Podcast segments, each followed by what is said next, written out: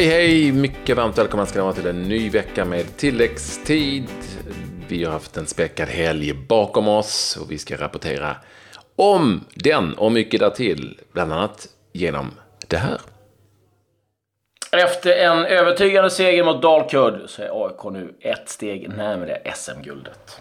Vi tittar till svenskarna ute i fotbolls-Europa och har framförallt fastnat för en spelare som fortsätter sin succé. Och en gammal succéspelare som också har blivit succétränare, Zinedine Zidane, eh, nämns mer och mer som eh, tränare för Manchester United. Jäklar Klas, där fick vi in mitt gamla favoritord på löpsedlar som jag gjorde en gång i tiden, nämligen succé kunde man använda. ja, attack, attack och succé attack var ett väldigt bra, bra eh, löpsedelsord. För det var korta ord som blev ganska stora på löpsedeln. Eh, vi återkommer till, eh, inte mina gamla löpsedels, löpsedlar, utan till just den där nyheten som är väldigt intressant. Men vi börjar med den allsvenska fotbollen.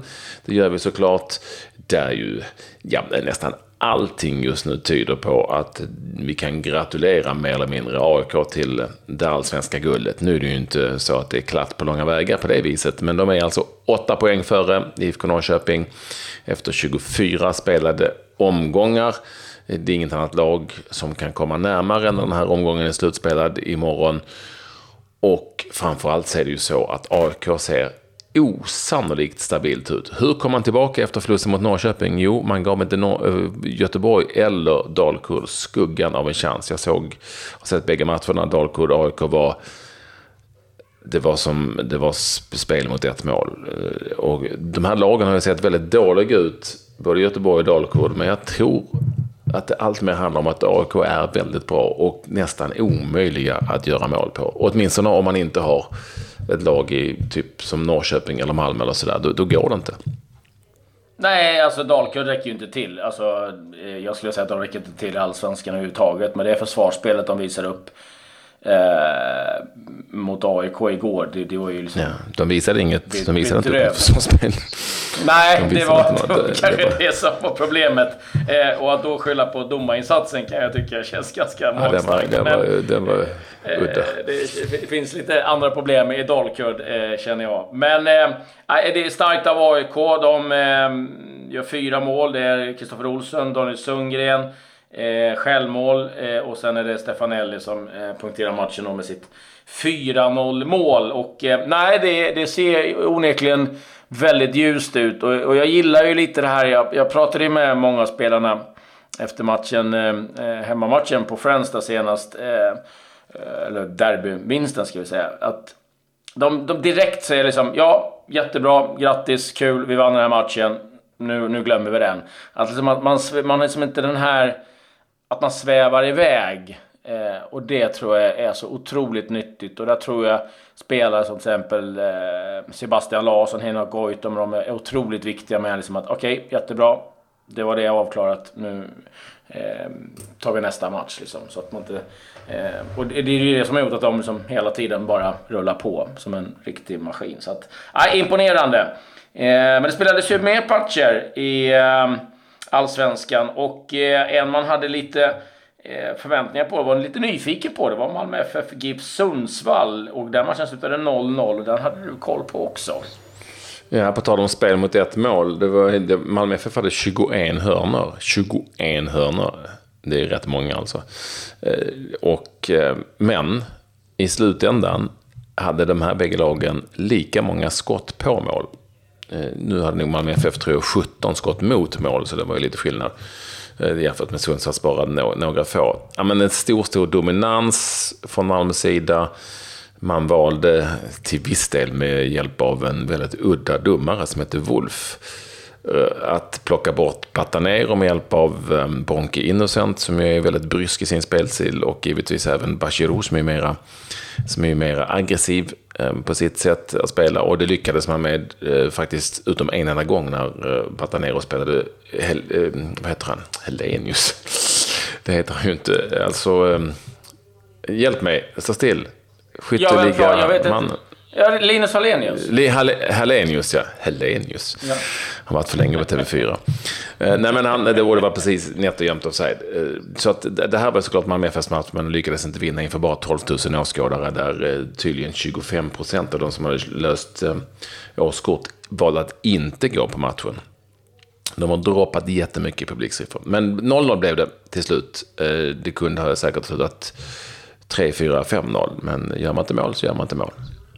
Nej, jag hade lite koll på de andra matcherna. Eh, Kalmar FF eh, BP slutade 1-1. Eh, gav unge Jack Lane BP ledningen ett eh, 56 minuter. Det var en eh, eh ganska svag första halvlek generellt. Sen gjorde Rasmus Elm 1-1 på en otroligt vacker frispark i den 59 minuten. Eh, faktiskt hans första allsvenska mål på nästan två år, eller på två år. Eh, fick utgå sen med lite känning på baksidan, men Eh, har tid att vila nu, han är avstängd och sen är det landslagsuppehåll. Så den matchen slutade 1-1. Sen kollar jag in Djurgården eh, mot Östersund, slutade 2-0 till Östersund. Eh, Mokibi och eh, Widgren målskyttar för Östersund. Och där kan vi sammanfatta matchen med att eh, det var riktigt dåligt försvarsspel av Djurgården.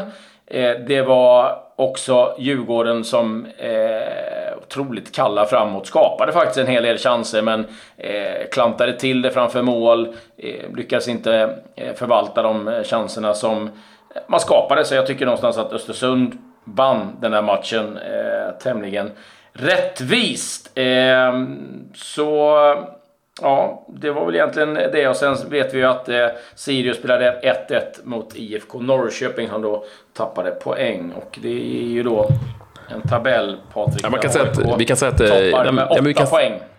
Ja, och vi tätnar jättemycket kring de här Europaplatserna. Säg att Häcken nu som spelar idag vinner över, över sin match, över ehm, Elfsborg, ja då är de också med där uppe bland de, de lagen inom väldigt få poäng som tävlar om åtminstone tredje platsen. Malmö FF, Hammarby, Östersund och Häcken kan det ju vara som slåss om just dem. Där tätnade väldigt tätt i botten också, framförallt kring kvalplatsen. Va? Eh, där eh, Brommapojkarna och Sirius plockar sina poäng. Och Göteborg som idag möter Hammarby, Hammarby. på bortaplan. Ja. Oj då. Om eh, Blåvitt mm. tappar den så börjar det bli osa lite halvhetta, lite beroende hur det går för de här lagen. Ja, det, det gör ju onekligen det. Och eh, om man tittar sen vad man har efter eh, Hammarby-matchen så ska man möta Trelleborg hemma. Sen har man BP borta, Sundsvall hemma. Och sen är det Djurgården, Malmö och Örebro. Ja, det kan nog börja blåsa ännu snålare vindar på Kamratgården. Men Snålt det lämnar vi allsvenskan. Ja, det gör vi. Ja, det blåser snålt på annat håll. I Manchester. Ja, herregud. Nu blir det förlust igen för Manchester United den här gången borta mot eh, West Ham med eh, 3-1 och eh, ja, nu talas det ganska öppet om, eh, till och med bland personal och spelare, att han kan få sparken. Mourinho ställde upp en liten märklig laguppställning. Han petade Sanchez ut ur truppen, bäst betald i hela Premier League. Har visserligen bara gjort tre mål sedan han kom. Pogba fick spela McTominay helt plötsligt i en trebackslinje. Och eh, nu börjar ryktena ta fart om Zinedine Zidane, eh, Tony Cascarino eh, som har ett förflutet som spelare i Frankrike, känner eh, flera eh, ja, inom fransk fotboll givetvis. Ehm, eh, gick ut eh, igår eh, på Talksport där han jobbar och sa att eh, han har hört nu att United redan har varit i kontakt med Zinedine Zidane. Och eh, ja, Cascarino är väl ingen sån som sitter och, och, drar ut skvaller hur som helst utan då har han nog ganska eh, trovärdiga uppgifter om att det där är på gång. Så att, ja, det är, mm, blir väldigt spännande att se eh, hur det går för Mourinho. Nu är det ju Champions League här i veckan. Eh, jag tror inte att han gör någonting innan det, men det kommer ett landslagsuppehåll och det vet vi. Det brukar vara oroliga tider för tränare under press, så att där kan det hända grejer. Eh, så tungt givetvis Eh, i Manchester United fortsatt så. Eh, det var ju toppmatch i helgen i Premier League. Chelsea-Liverpool, fantastisk tillställning där Eden Hazard gjorde ett fantastiskt 1-0 mål. Sturridge kom in i 86 skruvar in en i krysset i den 89 Ett otroligt mål. Eh, hans 50 Premier League-mål för övrigt i, i Liverpool, så den matchen slutade 1-1. Och ja, det var en, en häftig Eh, lördag. Det vill säga att Arsenal vann över Watford också. Everton besegrade Fulham, Manchester City, inga konstigheter, vann över Brighton. Eh, Leicester besegrade Newcastle som går riktigt dåligt. Wolves, Southampton slutade 2-0. Och eh, där är det ju så då att eh, där tapp, toppar ju Manchester City ligan. Eh, sammantoppar liksom Liverpool 19 stycken och sen har Chelsea 17, Tottenham har 15 i botten. Tre lag som är, eh, har det riktigt jobbigt. Newcastle, Cardiff och Huddersfield. I Spanien, vi har ju pratat om att det är jämnare än någonsin och efter sju omgångar så kan vi väl ändå säga det att Barcelona på första platsen har 14 poäng och Espanyol på sjunde platsen har 11 poäng. Alltså det är tre lag som skiljer mellan sjuan och ettan och det är flera lag där som ligger precis efter Barcelona och Real Madrid som leder på sina 14 poäng. Barcelona nu nytt poängtapp, den här gången på hemmaplan mot Athletic. Och Real Madrid, ja de hade det ju lite tuffare eh, i motstånd sett till att det var derby i Madrid. Det slutade 0-0. Eh, Alaves hade ju, har ju haft möjligheten där med John Guidetti som ni vet i laget att eh, klättra ytterligare, men åkte då på en förlust i eh, går mot Levante borta. Levante var med 2-1. John Guidetti spelade från start, men det blev utbyte och inget mål. Mm, och vi ska säga det att eh, hemmafansen skanderade Ronaldo, Ronaldo, Ronaldo eh, när de inte lyckades göra mål på Atletico. Så att eh, de fick de smaka lite grann. Eh, Italien, eh, riktigt eh, fina matcher på lördagen. Och eh, två godbitar framförallt. Roma-Lazio. Det slutade 3-1 till Roma. Robin Olsen eh, får mycket beröm. Det var Pellegrini, Kolarov och Fazio som gjorde mål för Roma. Immobile nätade för Lazio. Kolarov lite historiskt, för han har gjort mål för både Lazio och Roma då i, i derby. Eh, Juventus-Napoli. Den matchen slutade 3-1 till Juventus som då eh, rycker Mandzukic två mål, Bonucci ett. Det var Dries Mertens som gav Napoli ledningen, men Juve vann igen. Inter besegrade Cagliari. Och vi ska säga det också att eh, eh Milan besegrade Sassuolo med eh, 4 1. Annars värt att eh, nämna ifrån Italien det är Genoa som har hittat en succéspelare, Krzysztof Piatek. Han eh, gjorde två mål i helgen mot Frosinone. Genoa vann 2-1. Han har gjort åtta mål på sex matcher, så det är ett stort samtalsämne i Italien. Och eh, ja, men den det pratas mest om, det är nog faktiskt Beppe Marotta eh, sportchefen i Juventus som slutar. Det blev en riktig bomb, så att säga. Om vi ska... eh, chock eller attack, jag vet inte vilken löpsedel det ska Men, eh, men eh, från ingenstans, i en intervju inför match, så, så bara, nej, jag kommer lämna i oktober. Så att... Eh, Eh, sju ligatitlar, två Champions League-finaler har lett laget till, men ska då inte vara kvar i Juventus, Får lämna sitt, sin post helt enkelt. Så det var en, en, en, någonting att skriva om i italiensk media i varje fall.